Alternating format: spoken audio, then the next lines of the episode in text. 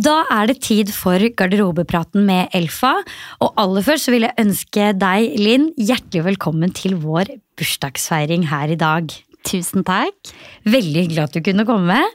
Eh, men det er jo ikke bare El som har bursdag i dag. Eh, Elfa har jo faktisk jubileumsår i år. Det stemmer. Det er faktisk 75-årsjubileumet til Elfa i år. Så da må jeg jo bare gratulere dere også, faktisk. Tusen takk. Det er jo kjempestort. Men ta oss tilbake i tid. Hvordan var det egentlig det hele startet for 75 år siden? Året er jo da 1948, eh, og da kom det en svensk oppfinnelse, rett og slett, innen industri, og det var å beslaglegge ståltråd. Det er sånn det hele startet. Eh, og det første produktet som kom ut, var rett og slett eh, oppvaskstativet. Så eh, det er sånn det hele startet. Oppvaskstativ designet av Nils Stringing, som folk kjenner kanskje best for fra stringsystemet. Ok, så det hele startet faktisk med et oppvaskstativ. Men hvordan gikk liksom veien fra oppvask til garderobe, som jo kanskje er det de fleste forbinder dere med den dag i dag? Det var jo noen år senere, rett og slett, hvor vi eh, lanserte Classic. Og det er jo det som folk kjenner Elfa best for i dag, eller mest for i dag. Det er Classic-systemet. Og er det noe som har forandret seg, eller hva har egentlig forandret seg hos Elfa på disse 75 årene? Det er ikke veldig mye som er forandret, egentlig. For fokuset har jo alltid vært å skape de beste oppbevaringsløsningene i skandinaviske hjem. Eh, og det er det også den dag i dag hvor vi utvikler oss for å finne de absolutt beste løsningene. Så da har vi allerede 75 år eh, med Elfa og gode oppbevaringsløsninger. Og da er det bare å glede seg til nye 75 år med dere. Gratulerer så mye. Takk.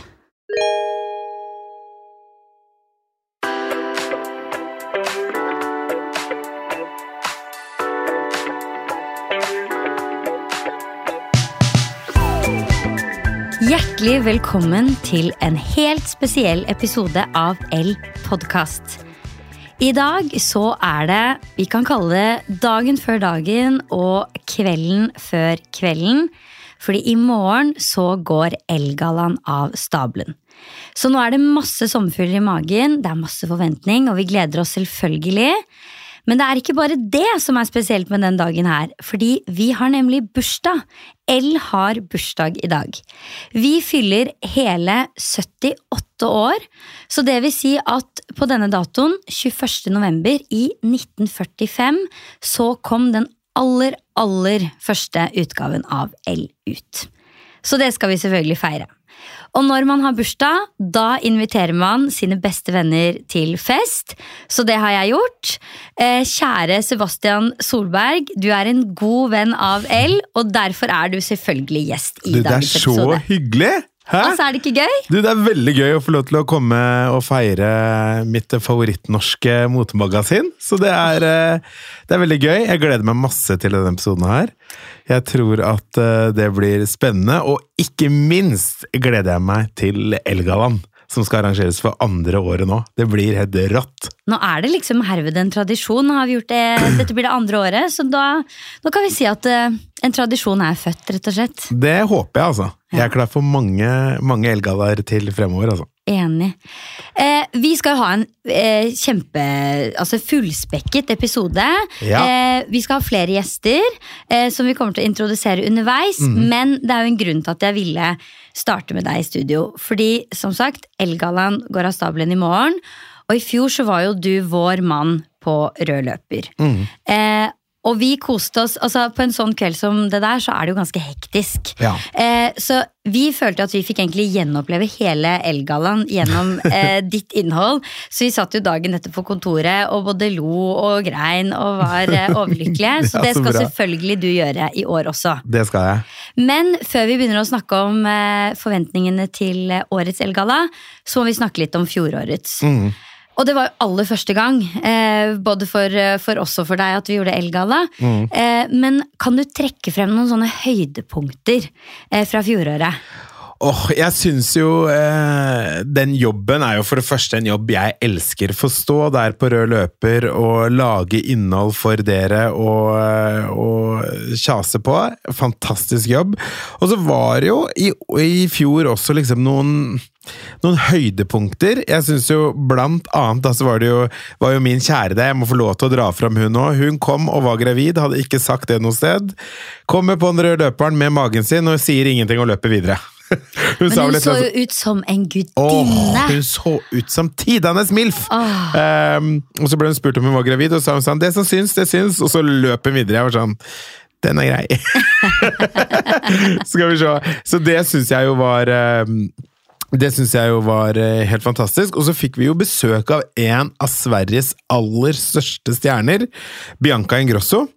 Ehm, jeg syns jo kanskje at hun jeg, jeg tenker jo litt sånn Når du får besøk av søta bror, så vil jeg egentlig at Jeg så for meg at hun skulle liksom komme i en ballkjole. Et eller annet monsterstort og vulgært.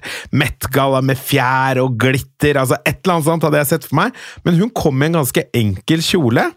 Men jeg tenker at når du er så stor som Bianca, så er du en av de som faktisk er unnskyldt med å komme, komme i en så enkel, eh, enkel kjole. Men det var veldig gøy da at hun kom, og det merket man jo på, på resten av pressen også, at de syntes det var veldig, veldig stas med med en lita internasjonal Scandi-stjerne.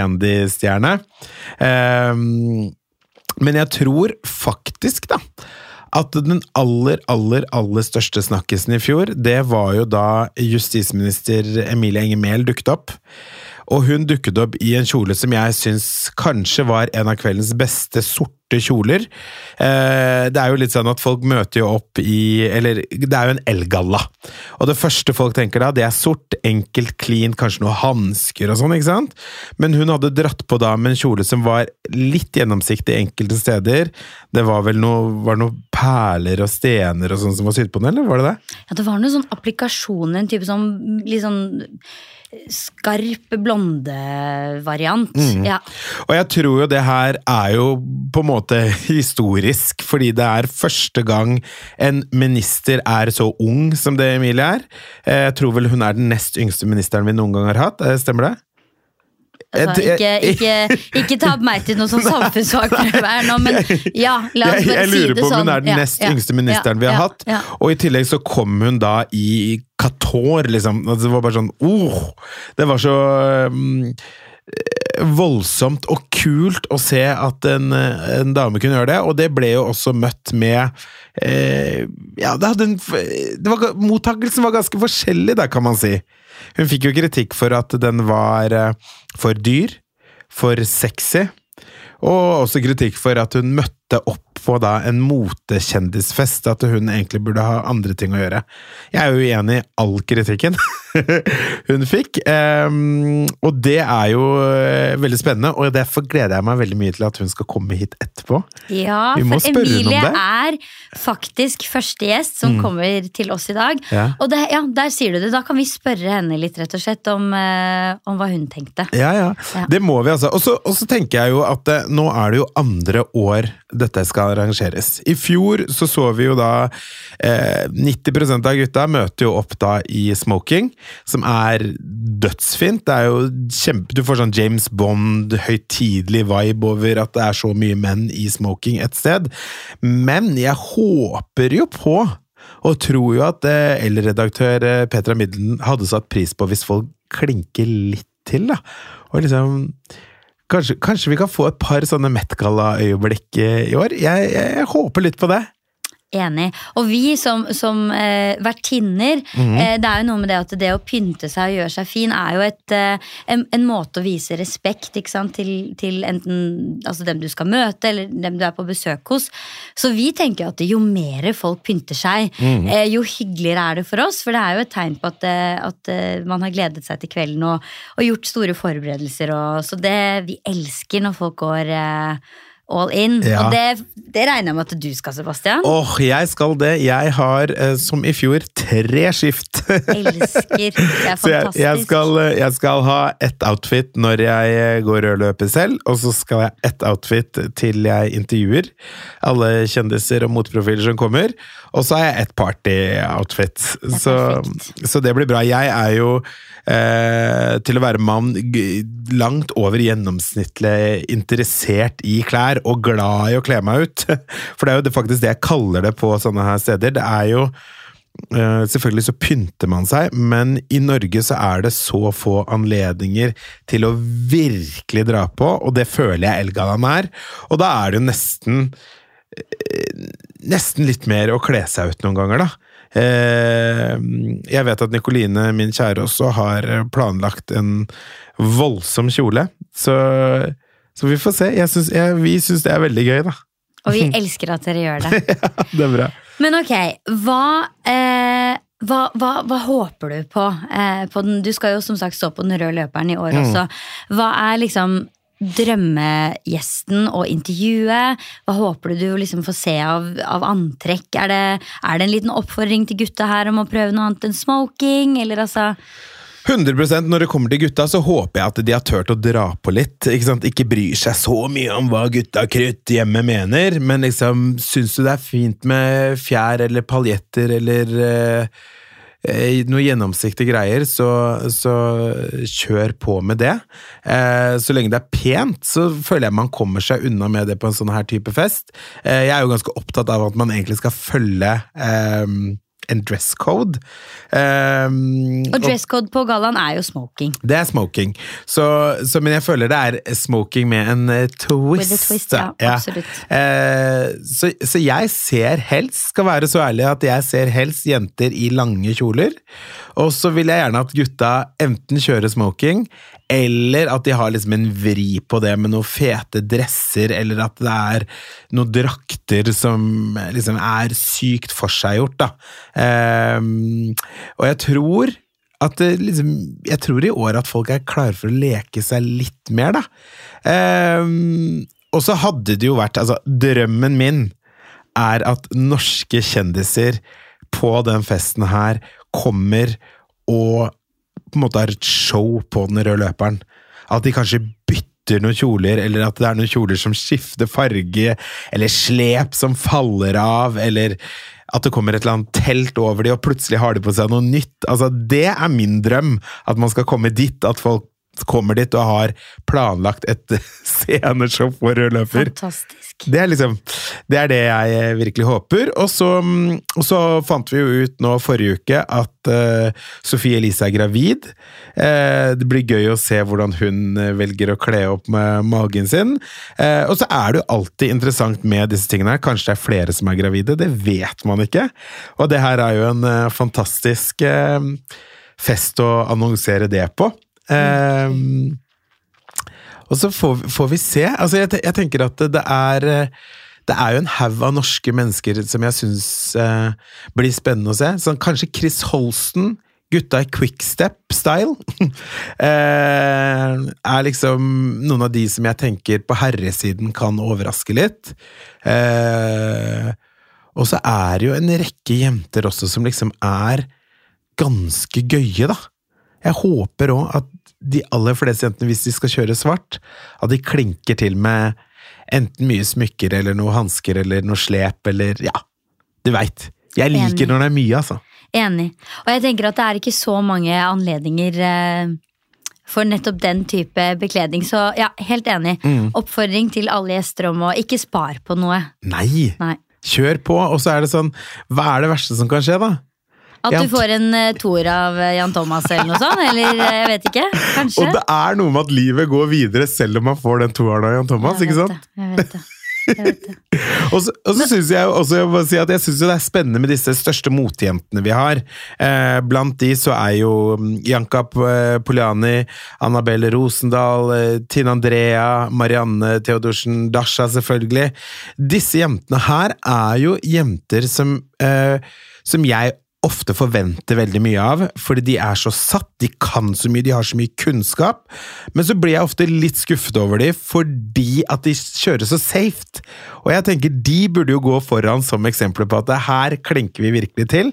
Um, jeg jeg kasta jo litt terninger på TikTok i fjor etter jeg, jeg, altså jeg skulle til å si det, og det var Altså, det var fantastisk eh, underholdning. jeg, jeg gjorde jo det, og når jeg gjør det, selv om jeg kjenner mange av de her, så er jeg jo ganske ærlig. Jeg sier det jeg mener, og, og alt mulig. Og det er ikke det at folk i klassisk fine, sorte kjoler er stygge, liksom. Men det er bare sånn Jeg vil at de jentene der spesielt bare skal kline til litt ekstra i år. Så det, det håper jeg. Og, og Janka og um, Janka Poliani og Marianne Theodorsen er jo fargekletter, liksom. Så at de kommer med noe gøy, det, det er nesten bare å forvente, jeg. Enig. Ikke minst Nina Sandbekk også har jo Nina Sandbekk. sydd egne antrekk ofte til uh, disse tilstelningene. Ja, 100% Hun også er jo fargens uh, ambassadør. Ja, jeg vet. Og Nina er jo faktisk, hvis ikke jeg tar feil, den største motprofilen vi har i Norge nå. Ja, hun er nok definitivt i hvert fall blant de ja. aller aller største. Ja, ja. Det er jo de fem jeg nevnte der som vi ofte ser sammen på moteuker og sånne ting som er som på en måte blir Man bare tenker de fem, men, men eh, Nina er jo liksom Kjører jo ofte solo og er liksom ikke en del av en gruppe på samme måte der, i hvert fall ikke når det kommer på bilder og utad, liksom, men hun er jo helt enestående i klassen med det der å, lage ting selv. Hun tør å utfordre eh, de liksom Hva skal jeg si klesnormene vi har. Um, og er jo, er jo, litt sånn som jeg sa i stad, ofte så ser det ut som hun har kledd seg ut. Og det elsker jeg, liksom. Det, og det er veldig få mennesker som får det til å funke, da, selv om det er så mye som det Nina gjør. Så Nina er jo absolutt en av de jeg på en måte har store forventninger til og gleder meg til å se. Hva tror du, hva tror du Hvis du ikke gjettet hva Nina har på seg, hva tror du? Ja, altså Jeg blir veldig overrasket hvis eh, Nina kommer i helsort. Mm. Eh, men nå er jo altså rødt er jo en stor trendfarge. Vi har jo allerede snakket om det. Vi hadde en episode for to episoder siden med Karoline Skjelbre og ja. Charlotte Sørvald i redaksjonen. Ja. Eh, og da snakket vi om annet rødt som et sånn tips til julebordsesongen. Og Nina har jo rocka noen sånne røde, røde looker opp gjennom årene. Så kanskje hun går for en sånn, kanskje hun stiller som sånn Lady in Red. Jeg vet ikke. Jeg vet ikke heller. Men jeg håper hun har laget noe selv. Ja, enig. Jeg og det er, det er, kjipt å legge det presset på ja. noen. ja. sånn, og det, denne episoden kommer dagen før Elgala, så det er sånn Nina, finn frem symaskinen nå! Nei, men, men, hun er også Det er vel eh, de seks jentene der, ja, av de norske jentene som jeg er liksom mest spent på. Eh, håper de tør å ikke safe så veldig i år, altså. Jeg må også trekke frem eh, vinneren av prisen for Årets stilikon i fjor, Råda, Råda mm. som kjørte apropos å gå for liksom Altså den klassiske sorte, da. Mm. Men hun hadde jo kjørt det nesten sånn der Hun var jo helt sånn eh, avantgarde, nesten sånn gotisk. Hun var sånn fantastisk fashion ja, ja begravelse-ish, så det altså, som hun skulle inn. Helt rå, hun, var, liksom. hun var også helt sykt flink. Ja. Altså, jo mer vi snakker om det nå, så merker jeg at det er jo mer er jo mer enn seks. Ja. seks store profiler i Norge, men Det er egentlig sånn nærmere 100. Halvparten av gjestene er vi egentlig ganske spente på. Ja. Ja. Og så apropos eh, den klassiske, altså, det klassiske antrekk for menn på gallaen, mm. smoking. Vår egen sjefsredaktør Petra Middleton stilte jo i smoking i fjor. Ja. Eh, og jeg må si at det er bare noe med også den der å, altså En ting er å skru det helt opp, men jeg syns også Altså, Hvis det er noen som sitter her nå og har helt eh, panikk for hva de skal ha på seg En kvinne i smoking er aldri feil. Det, hun, så, altså, hun, var så utrolig chic. Ja, og så er det noe med når du har den rollen som du har som host og som sjefsredaktør òg. Eh, da er jeg litt enig at enten så får du bare klinke til og komme i en ballkjole med en tiara på hodet og en sånn derre? Dronning Elsa-stav, liksom.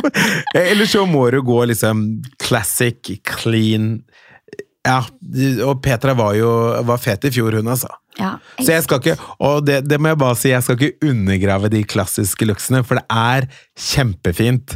Det er bare min eh, voldsomme ekstra hjerne som tenker bare 'jeg vil ha show på rød løper'. Ja, men vi lever for showet, Sebastian. Vi gjør jo det. Ja.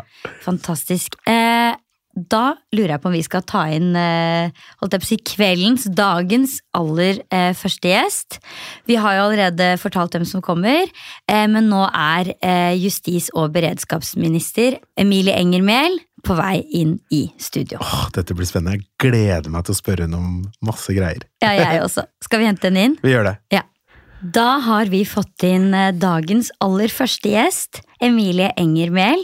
Så utrolig hyggelig å ha deg her. Takk i like måte. Det er hyggelig og stort, føler Ja, det jeg. er veldig, ble plutselig veldig sånn Jeg følte vi måtte rette oss litt mer opp i ryggen. Eh, 100%. Det går fint. Ja, men du er jo en minister. Jeg tenker jo at det er eh, Man, man får sånn derre ekstra respekt for deg fordi det, på grunn av tittelen du har. Merker du at folk eh, har det? Jeg føler meg jo som meg sjøl, på en måte. Samme person som jeg var før jeg ble eh, justis- og beredskapsminister. Og så Ja. er, jo, er jo det en rolle eh, jeg har, så det er jo midlertidig.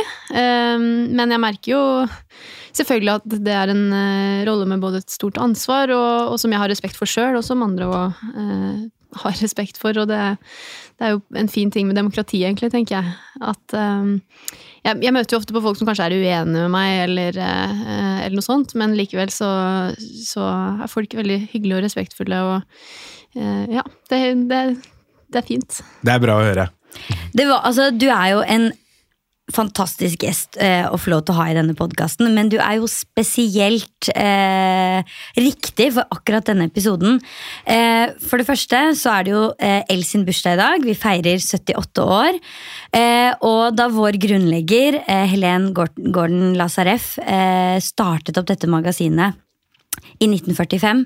Det var etterkrigstid, eh, og eh, en, eh, altså en ekstremt spesiell eh, tid i, i historien. Eh, og da ønsket hun å gi eh, kvinner en stemme og muligheten til å bli hørt. Men hun ønsket også å forene dette med sin andre store lidenskap, som var mote. Og her er jo du altså den perfekte sammensetningen av disse to tingene. Mote og en vanvittig sterk stemme. Ikke minst så er det galla i morgen, Elgallaen. Eh, og du var jo en av de virkelig store snakkisene i fjor. Sebastian har allerede vært inne på det. Eh, og vi er jo veldig veldig spent på hva du kommer til å ha på deg eh, i morgen. Det kan komme opp noe eh, som gjør at jeg må utsette ting i siste liten, men jeg håper jo ikke det blir tilfellet. Så det blir veldig stas. Hva er typisk ting som gjør at du må avlyse en elgalla, da? Eh, Det kunne jo vært eh, typ at det hadde skjedd en krise i Norge som Ja. man bare må håndtere. Eh, Det har jeg jo opplevd før. For eksempel eh, 25. juni-angrepet skjedde den dagen eh, lillesøsteren min skulle ha dåp for nevøen min. Det er sånne ting som bare må utgå, på en måte. Mm. Men la oss krysse fingrene for at det ikke blir, blir sånn. Og veldig hyggelig å uansett feire 78 år. Eh, Og det er jo litt spesielt òg, med tanke på at det var eh, etterkrigstiden, en helt annen tid for kvinner, for eh, eh, likestilling, og så har vi hatt en utrolig bra utvikling, vil jeg si, da, i Norge og andre land òg, selv om mange ikke har kommet like langt som oss. Og samtidig så er vi også i en tid hvor det akkurat eh, eh, har brutt ut eh, store konflikter i Midtøsten, hvor eh, Ukraina-krigen har vart i halvannet år, og en del ting vi kanskje trodde ikke kunne skje, da, nå eh, har skjedd. Og mm, det er tankevekkende. Ja, absolutt. Um, men eh, jeg, vi, vi skal snakke litt mer om uh, kjolevalget ditt i fjor, og hva du tenker om i år etter hvert, men jeg lurer på eh, Du er vel er du, er, altså, er, er, Har jeg rett hvis jeg sier at du er den nest yngste ministeren vi har hatt? Det tror jeg, ja. Ja? Jeg er den yngste justis- og beredskapsministeren, vet jeg. Ja. Og så er det ei annen som har vært eh, litt yngre enn meg, som var barne- og familieminister, men jeg, Ja. en liten periode. ja. Ehm, ja. Og jeg må eh, først og fremst få lov til å si at eh, jeg er så sjukt imponert og har så stor respekt for hva du har fått til. Jeg har to døtre selv. Eh, for meg at det er kvinner som er i så viktige posisjoner som det du er i, eh, men som også tør å ta en del i hva skal jeg si, livet, på samme måte som det menn alltid har gjort. Det syns jeg er så viktig, og jeg syns at eh, eh, selv om ikke jeg kommer til å stemme Sp, så mener jeg at du er en av de aller, aller viktigste politikerne vi har hatt i Norge, eh, siden jeg i hvert fall har stemmerett. Så jeg vil bare takke deg for, for hva du gjør, og hva du står opp for, og det, den rollemodellen du er for unge damer. Jeg syns det er helt, helt fantastisk, og det er også noe av grunnen til det jeg innledet med, at eh, jeg har utrolig stor eh, respekt for deg fordi du er minister. Jeg får det automatisk, men jeg har enda større respekt for deg for den veien du baner opp for blant annet mine døtre, så det vil jeg virkelig si takk for. Det var veldig, veldig fine ord, da, men, Ja, men det er veldig pris på det. eh, Kommer rett fra hjerterota. Takk. Em, men når, når folk da er litt kritiske da, til sånn em, For jeg vet jo, det har jo vært noe av greiene du har møtt. Er en 20, du, gikk, du gikk inn i posten når du var 28. Mm. Er en 28-åring Har hun nok erfaring? Er hun voksen nok til å ta på seg en sånn rolle? Hva tenker du om det selv? Jeg har nok eh, tenkt mindre om alderen min, eller mindre på alderen min, enn det mange andre har gjort. Eh, Jeg har jo hele tiden tenkt at jeg er på en måte summen av alle erfaringer jeg har hatt opp igjennom, enten det er i oppveksten eller i arbeidslivet eller eh, under studier. Summen av mennesker man møter og ting man gjør seg, og det er jo på en måte de, det jeg har da, til å fylle rollen med. Mm. og så er det jo eh, sånn at det er eh, statsministeren og finansministeren som er partilederen i Senterpartiet, Trygve og Jonas, eh, som eh, må vurdere Trygve og Jonas? Det er gøy! Ja, da Trygve og Jonas sa at jeg skulle bli justisminister, så jeg ble det! Altså, Nei, men det er jo på en måte sånn, Tilliten er jo ikke noe man vurderer selv. Da. Det er jo, jeg tenker at så lenge de tror at jeg får det til, så skal jeg gjøre mitt beste Mm. i, ja, i å fylle rollen. Ja, det er veldig gøy, da. Og så og så er det jo også ikke til å legge under stol at det er jo en krevende tid å ha den posten eh, du har. Eh, er det noen ganger du føler har ført på liksom sånn åh, er det for mye for meg, liksom? Nei, Nei? det kan jeg ikke si at jeg har gjort. Men uh, det er jo klart at uh, det har vært en god del eh, kriser og hendelser som har skjedd underveis. Det starta den dagen jeg ble statsråd. Da hadde en mann gått til angrep med pil og bue på Kongsberg og drept fem personer. Og det var jo en veldig spesiell dag, fordi det å få lov til å få æren da, av å være i regjering, og gå inn som en ny regjering, det er jo en veldig stor ting. Det er noe vi har jobba for lenge og ønska å få til, og samtidig så var det et så alvorlig bakteppe eh, har ganske mye jobb da, med å håndtere konsekvensen av den krisen. Eh, siden det så har det jo rent mye vann i elva. Det har brutt ut en krig i Europa. Eh, det har vært eh, mulig terrorangrep i Oslo. Eh, det har vært eh, store hendelser med ekstremvær. Altså det er ganske mye som har, har skjedd. Men i de situasjonene så har jeg på en måte Jeg har en veldig ro rundt det.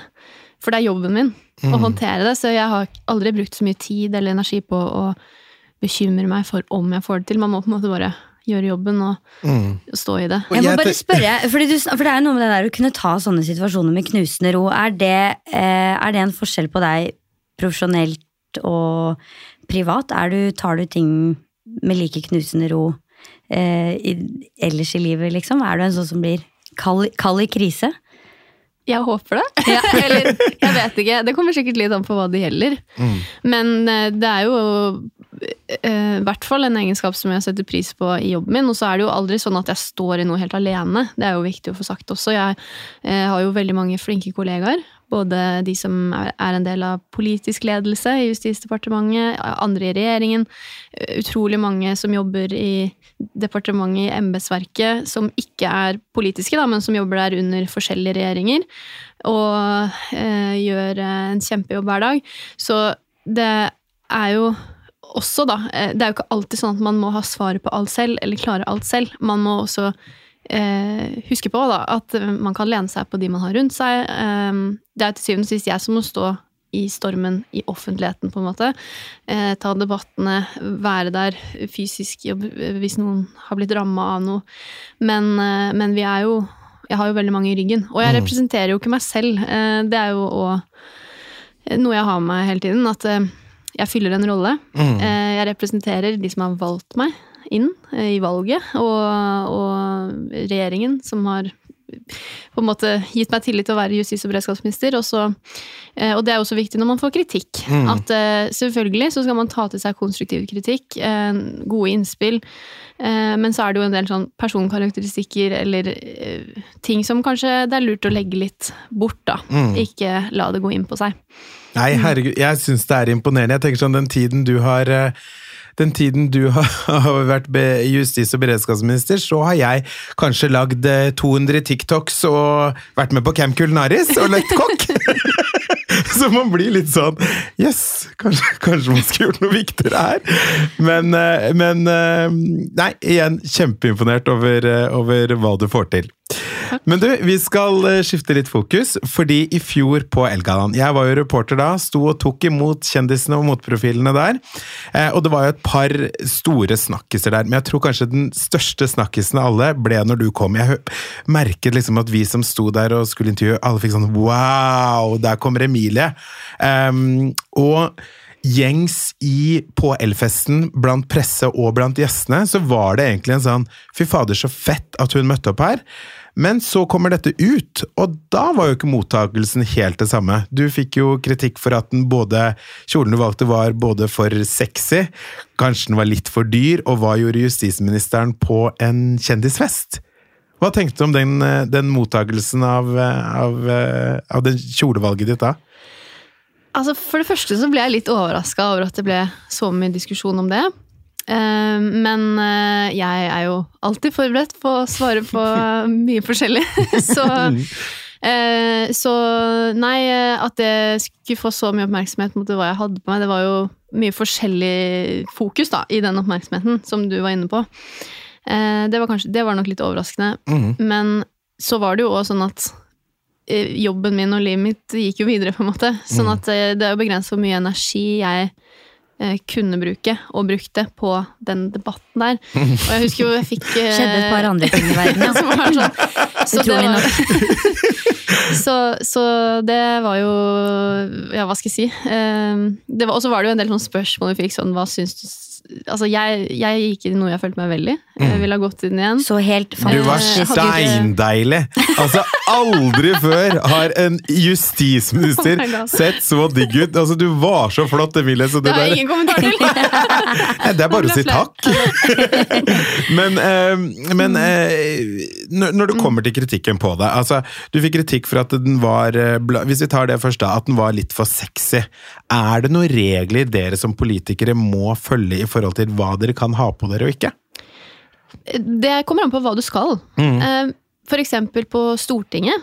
Som, eh, jeg sitter jo egentlig på Stortinget som representant, men jeg har permisjon for å være justisminister. Men jeg er jo stadig vekk i Stortinget for å svare på spørsmål eller delta i debatter og sånn.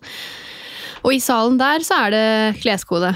Eh, Så Mm. Er der er, er det noen eh, Nå husker jeg ikke den utenat, men eh, det dreier seg om å gå i dress på en måte, eller eh, drakt kanskje for damer. At man har eh, Man egentlig kler seg med respekt da, for eh, salen. Mm. Eh, Jeg er ganske sikker på at det står at det ikke er lov med jeans og ikke lov med joggesko. Ja. eh, For eksempel. Ikke T-skjorte. Eh, Litt sånne ting. Og så er det jo litt sånn i min rolle at jeg følger jo på en måte en slags kleskode, selv om ingen har sagt at det må du gjøre. Men jeg føler jo at det, det er et, eh, en viss forventning da, om at jeg har kler meg med respekt og verdighet for det jeg gjør.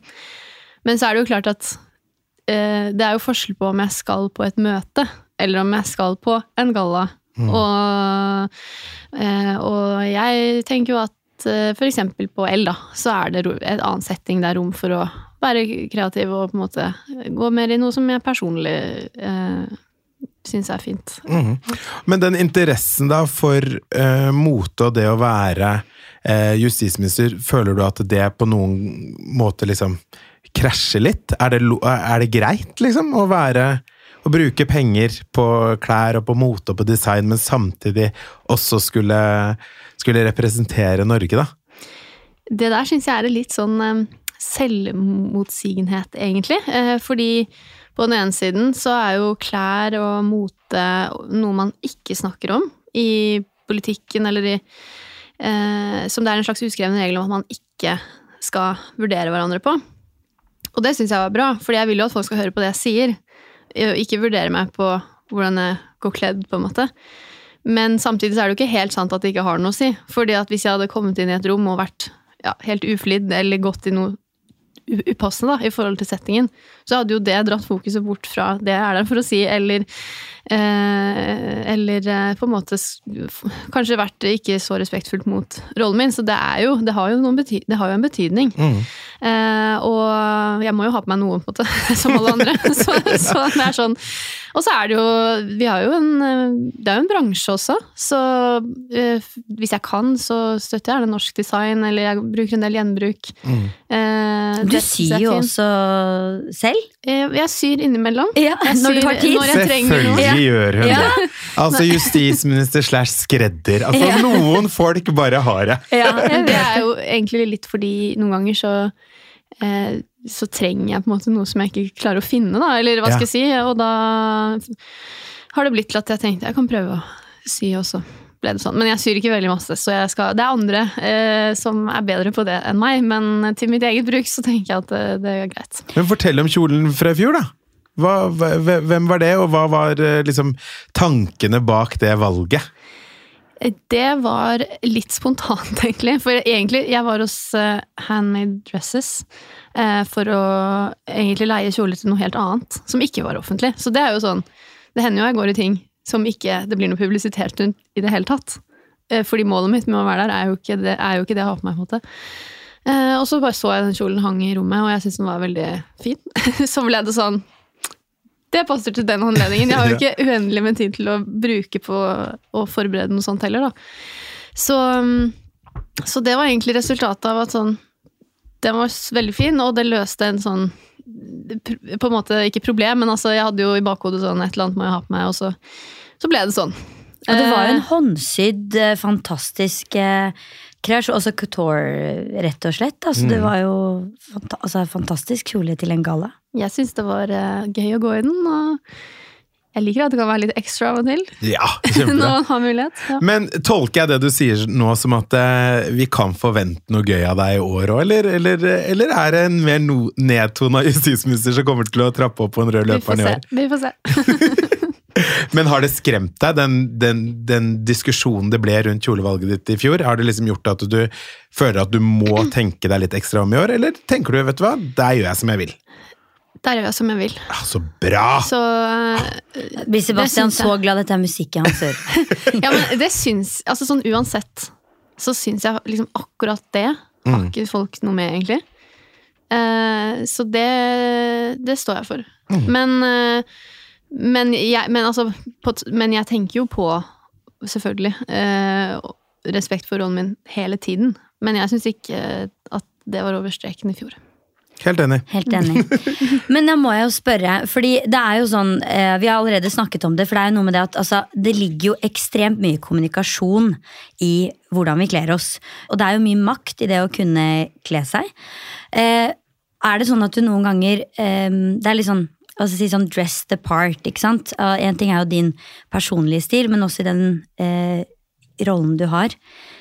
Er det sånn at du liksom kler på deg eh, justisministeren noen ganger? Er det litt sånn power dressing eh, eh, på gang eh, når du kler deg for jobb?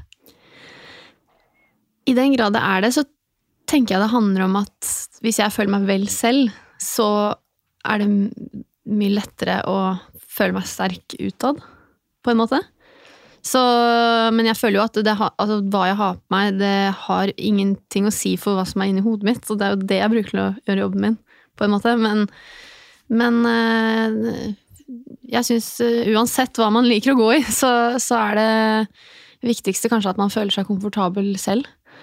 Eh, og man kan jo uttrykke mye med hva man tar på seg. Altså det kan være uttrykke selvtillit, uttrykke styrke, eh, kreativitet. Men jeg tror de tingene ikke bare ligger i på en måte nødvendigvis hva er plagget, men like mye hvordan det får deg til å føle deg, da. Og det kan være forskjellig fra person til person. Og, og så er det jo en annen ting jeg har tenkt om før jeg skulle hit. eh, At det har jo eh, en annen side av dette med at klær kan ha en betydning. Det er jo egentlig ganske tydelig i den sektoren jeg styrer, Justis- og beredskapsdepartementet. Jeg har jo flere etater for eksempel, som går i uniform. Det er jo en sterk symbolkraft i det.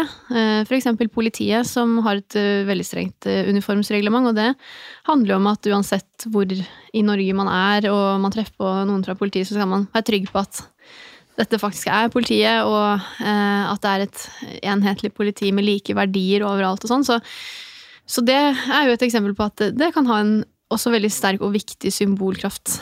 Mm. Det er et ekstremt godt eh, og interessant poeng, eh, faktisk. Sånn, altså, uniformen også er jo en veldig, veldig viktig del av, eh, av ja, kommunikasjon med, gjennom klær. Men jeg må spørre, har du noen altså, Nå har jo Sebastian allerede konkludert her, og jeg er selvfølgelig helt enig at du er jo en, en i særklasse når det kommer til å være en velkledd politiker. Men har du noen stilforbilder? Det kan jo være enten i politikken eller ellers som du ser opp til eller søker inspirasjon hos? Oi, den var litt vanskelig.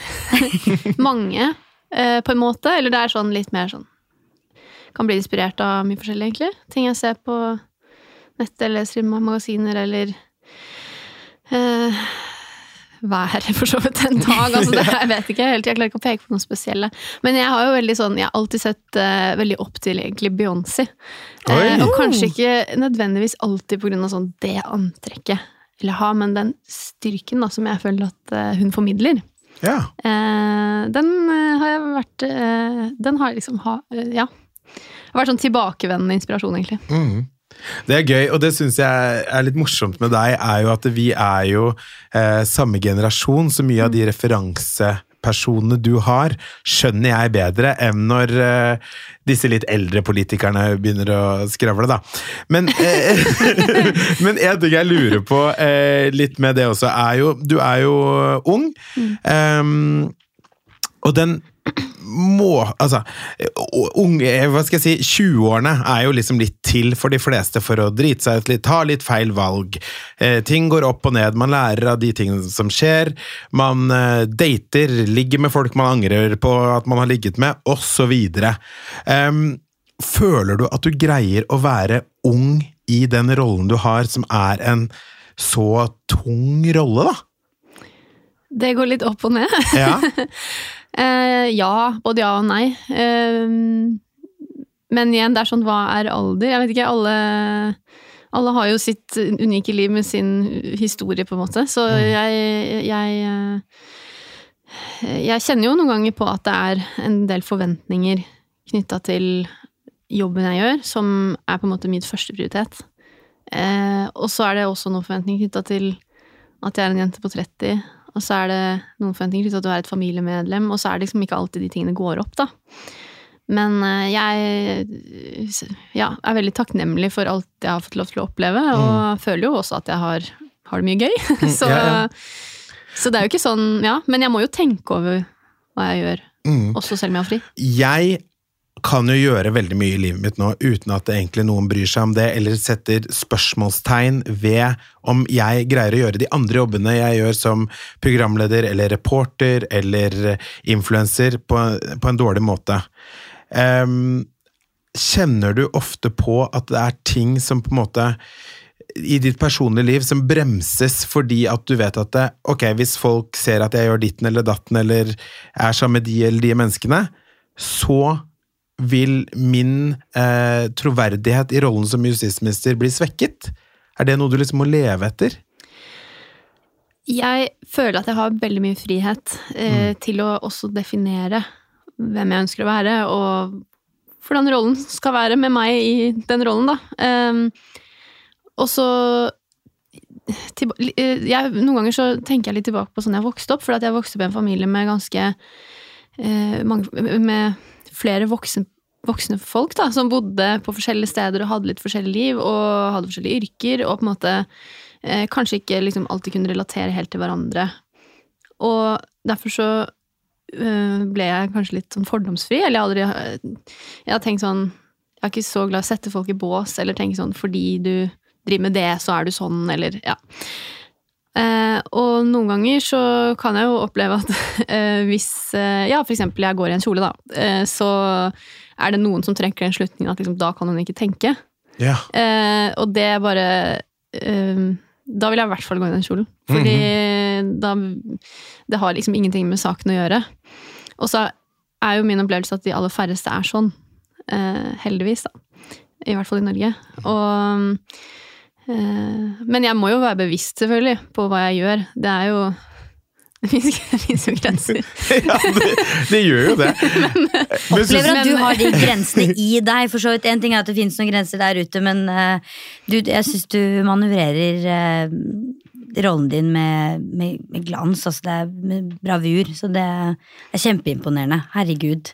Jeg Altså, helt enig. pris på det. Ja, jeg er jo selvfølgelig enig. Jeg, Men man må, Ja, jo, ja. man må jo ha med seg de grensene hele tiden, men det er jo ikke noe som jeg på en måte tenker på hvert minutt. Men, Det hemmer men ikke er livet jo en ditt. Slags, nei, det, bare, det er jo bare en slags sånn del av meg akkurat nå. mm, Eh, ja. Ja, det er interessant det der du si, sa innledningsvis, med at det er, liksom, det er en rolle jeg trer inn i, men det er også midlertidig. Fordi nå alle legger veldig sånn Du er justis- og beredskapsministeren. Og kanskje vi nesten har satt deg mer i den båsen enn du har gjort selv noen ganger. Eh, som du sier sånn, det, er midlertidig, ja nå gjør jeg det, men altså kanskje Ja, Eller jeg tenker eh, når man får eh, er så heldig at man får lov til å sitte i regjering, da, så er det jo alltid for en periode. Og nå føler jeg jo veldig at den rollen er en del av meg. Jeg har vært eh, justis- og beredskapsminister i litt over to år. Bruker jo mesteparten av tiden min på det, og det definerer jo livet mitt på mange måter. Eh, og det kommer jeg alltid til å ha med meg. Så den dagen jeg går ut av regjering, om det er i morgen eller om det er om seks år, eh, så, så tror jeg det vil være liksom en del av historien jeg har med meg. Fordi jeg har jo lært mye, vokst mye på erfaringene jeg har med meg, Um, møtt utrolig mange mennesker. Altså det, det definerer jo livet på en måte.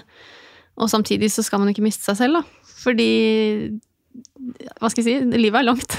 Ja. og, og, um, og det, ja, det blir bare det blir en del av historien. Ja, det er nettopp det. Fordi du er, altså, det er en del av din historie, men du er jo faktisk også en del av norsk historie. Nettopp eh, fordi du er den yngste justis- og beredskapsminister noen gang. Så eh, ja. Historisk blir du, og er du, uansett. Men Sebastian, du har forberedt noen sånne lynspørsmål til eh, Emilie. Det har jeg, vet du. Eh, og det kan vi vel gjøre avslutningsvis. Yes. nå. det har jo vært eh, helt fantastisk å ha deg her, Emilie. Jeg syns jo det er gøy å høre på. Og så, som jeg også sa, så er det et eller annet med det derre Når man er mer jevnaldrende, så er det nesten mer interessant. Fordi man lever jo, jeg hører jo det på deg, at man lever jo egentlig, man har jo det samme livet, bortsett fra at man har forskjellige roller, eh, så man velger å tre inn og ute. Og så, siden vi er her da, med L som er moterelatert, så syns jeg også det er kult at du tør å stå i at eh, det her bestemmer jeg sjæl hva jeg skal gå i. Syns jeg er dødsfett. Men du, jeg har noen raske spørsmål til deg her. Eh, og det kan eh, du, du kan du kan svare på det så utdypende du vil. Ok, spent. er eh, det første jeg lurer på, er om du bruker stylist. Eh, nei. Det gjør du ikke. Er det noen grunn til at du velger å ikke gjøre det? Eh, kostnad, egentlig. Ja.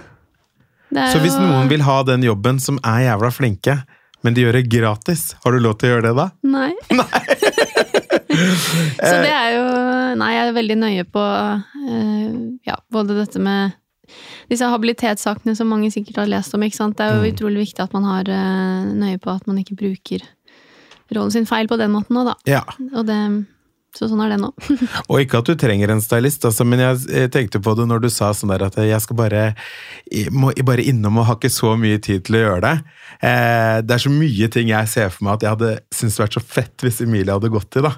Eh, Du er, legger egentlig inn en liten søknad. Det er det jeg gjør, tror jeg. jeg. Jeg, jeg tror det er det jeg gjør. Nei, men Det er så mye ting som jeg tenker sånn Å, fy fader, det hadde vært så fett! Og jeg liker jo når folk blir litt um, jeg, likte ikke at folk ble sure på deg i fjor, det var ikke det jeg mener, men jeg liker når eh, en ung kvinne som får det så bra til, gjør jobben sin sånn som hun skal.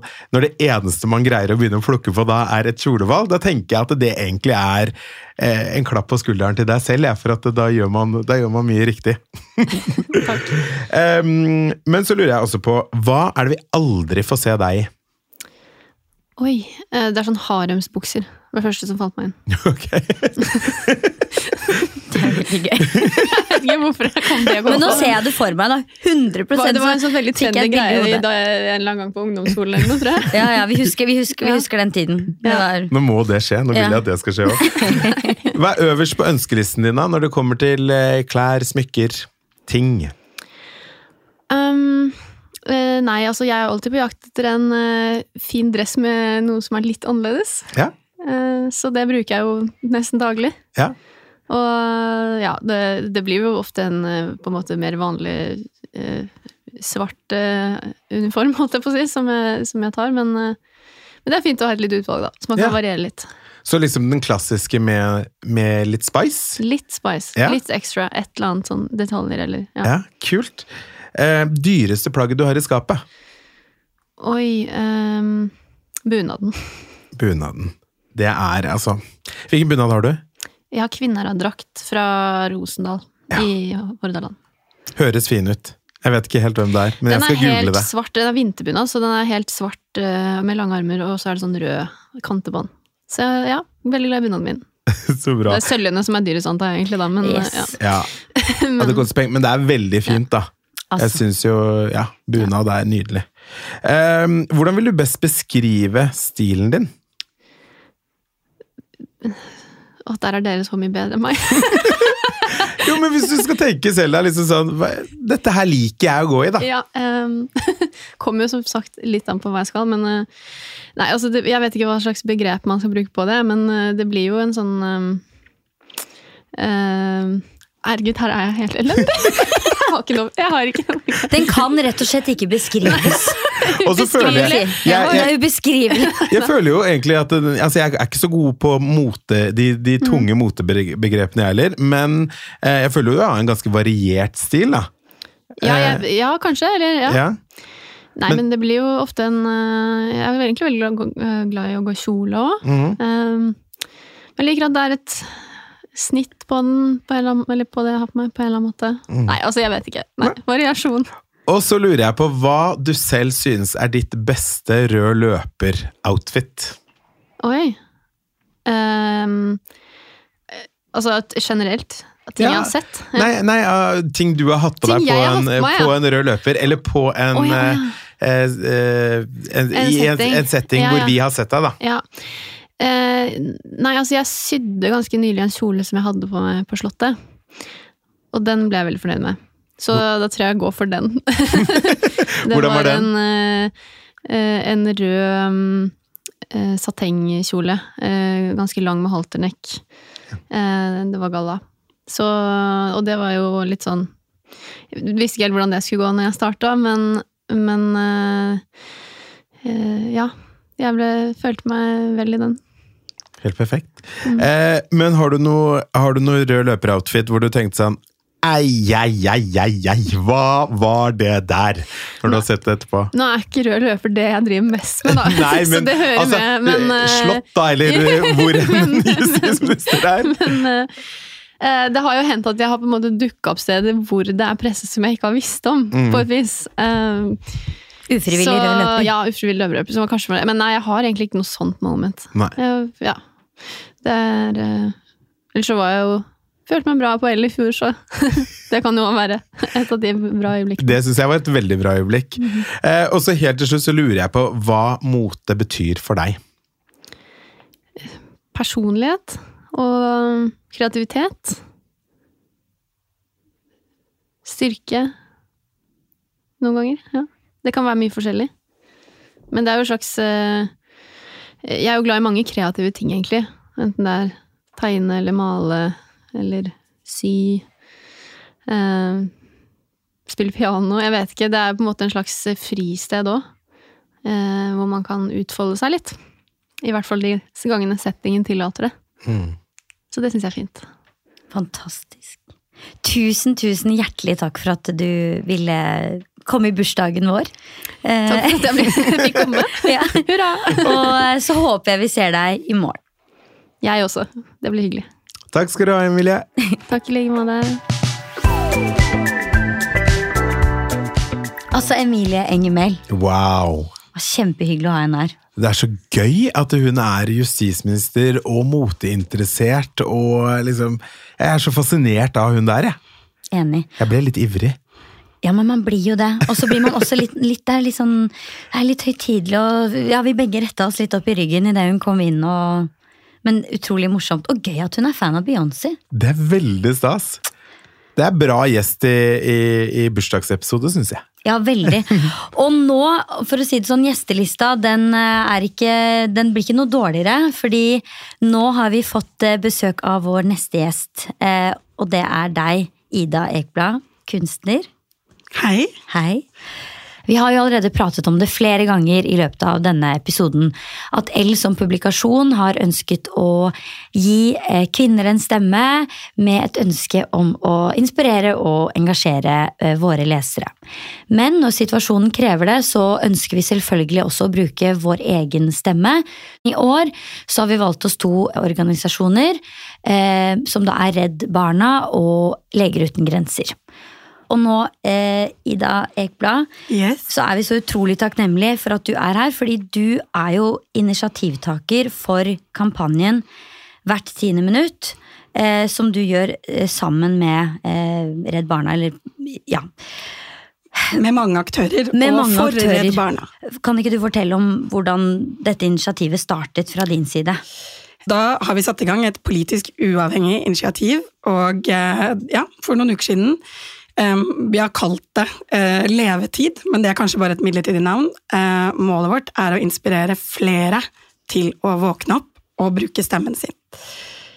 Levetid eh, består av noen engasjerte medmennesker, og vi har fått med oss Bjelke og Yang og reklamebyrået Brunch, som jobber tett for å supplere de ideelle organisasjonene nå i denne krisen.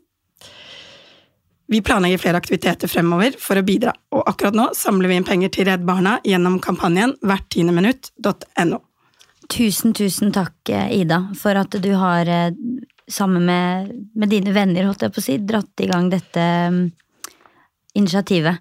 Og så har jeg faktisk lyst til å dra fram det gamle Arnulf Øverland-diktet. Eh, Du må ikke sove, fra 1937. Um, Du må ikke sitte trygt i ditt hjem og si det er sørgelig, stakkars dem. Du må ikke tåle så inderlig vel den urett som ikke rammer deg selv. Jeg roper med siste pust av min stemme, du har ikke lov å gå der og glemme. Ja, Det er sterkt. Tusen takk, Ida. Tusen takk for at jeg fikk komme hit. Takk for at du kom. Eh, Vi har også invitert inn eh, generalsekretær for eh, Leger uten grenser, Lindis Hurum, som også er her. Tusen hjertelig takk for at du hadde mulighet til å komme. Jeg vet du er veldig, veldig travel. Takk for at jeg får komme. Du publiserte en tekst som fikk tittelen Mormors ord i dine sosiale medier eh, 4. november, som fikk en del engasjement allerede der, men som har fått helt enormt engasjement etter NRK Ytring eh, valgte å publisere den, med din godkjennelse selvfølgelig, eh, søndag 12. november. Kan ikke du fortelle litt om bakgrunnen for den teksten? Jo. Det stemmer det at den har fått eh, veldig, veldig Den har fått vinger, eh, og det er veldig fint eh, i en mørk tid. Jeg skrev den fordi jeg skriver når eh, hodet og hjertet er fullt. Har alltid gjort. Så jeg skrev den først og fremst for meg sjøl, for å rydde litt og, i mine egne tanker.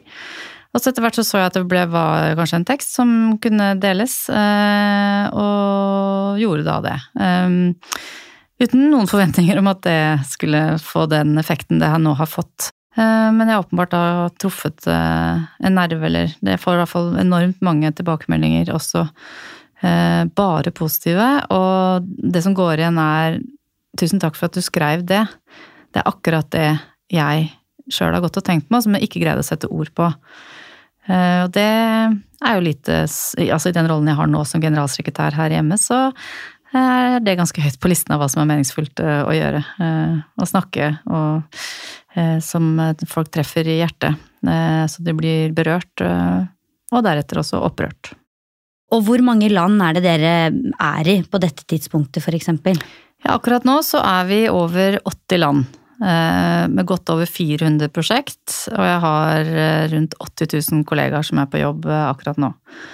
Og jeg har vært generalsekretær her nå i to år, men i 15 år før det så var jeg jo sjøl hjelpearbeider. Jobba som nødhjelpskoordinator um, i kriser, eh, katastrofer, også krig og konflikt. Og det at folk nå engasjerer seg, om det er i min tekst eller på annen måte, uh, er jo liksom, gir meg litt lysglimt. Tusen hjertelig, hjertelig takk for at du tok deg tiden til å komme hit og prate med oss. Takk skal dere ha. Oi, oi, oi. eh, ja, for en eh, episode dette har vært. Du, det har vært fullt av eh, kontraster. Jeg har tenkt, jeg har lært, jeg har sittet med klump i halsen, ledd, eh, kalt justisministeren vår digg. Altså, altså, det har, vært, det har vært litt av en reise, men eh, det har vært veldig veldig gøy Karoline, å få lov til å komme og feire bursdag med dere. Jeg synes det er fantastisk at dere i L bruker plattformen deres til eh, noe så bra som dere gjør nå, og jeg er veldig stolt og takknemlig og glad for at jeg får lov til å, å være en del av det. Og jeg må si tusen takk til deg, Sebastian. Eh, Du er eh, som alltid en vitamininnsprøytning i mitt liv. Eh, Og jeg kunne ikke valgt en bedre person å feire bursdag med og lade opp til morgendagen med enn deg. Det blir gøy. Det blir veldig, Gleder veldig meg gøy. veldig. Tusen takk, for, tusen takk for denne tiden sammen. Ses i morgen. Vi ses i morgen. Tusen takk for at jeg fikk komme. Vår novemberutgave, Den store diskodrømmen, den er straks på vei ut av bladhylla, men kanskje du rekker å få med deg en utgave før det er for sent. Om ikke, så er vår rykende ferske desemberutgave eh, kanskje allerede ute når denne episoden slippes. Gleder meg veldig til eh, å dele den med alle dere. Den er helt fantastisk. Og som vanlig så finner du daglig inspirasjon på eh, l.no. Og hvis du eh, liker podkasten, så må du gjerne abonnere, så får du eh, nyeste episode rett i appen.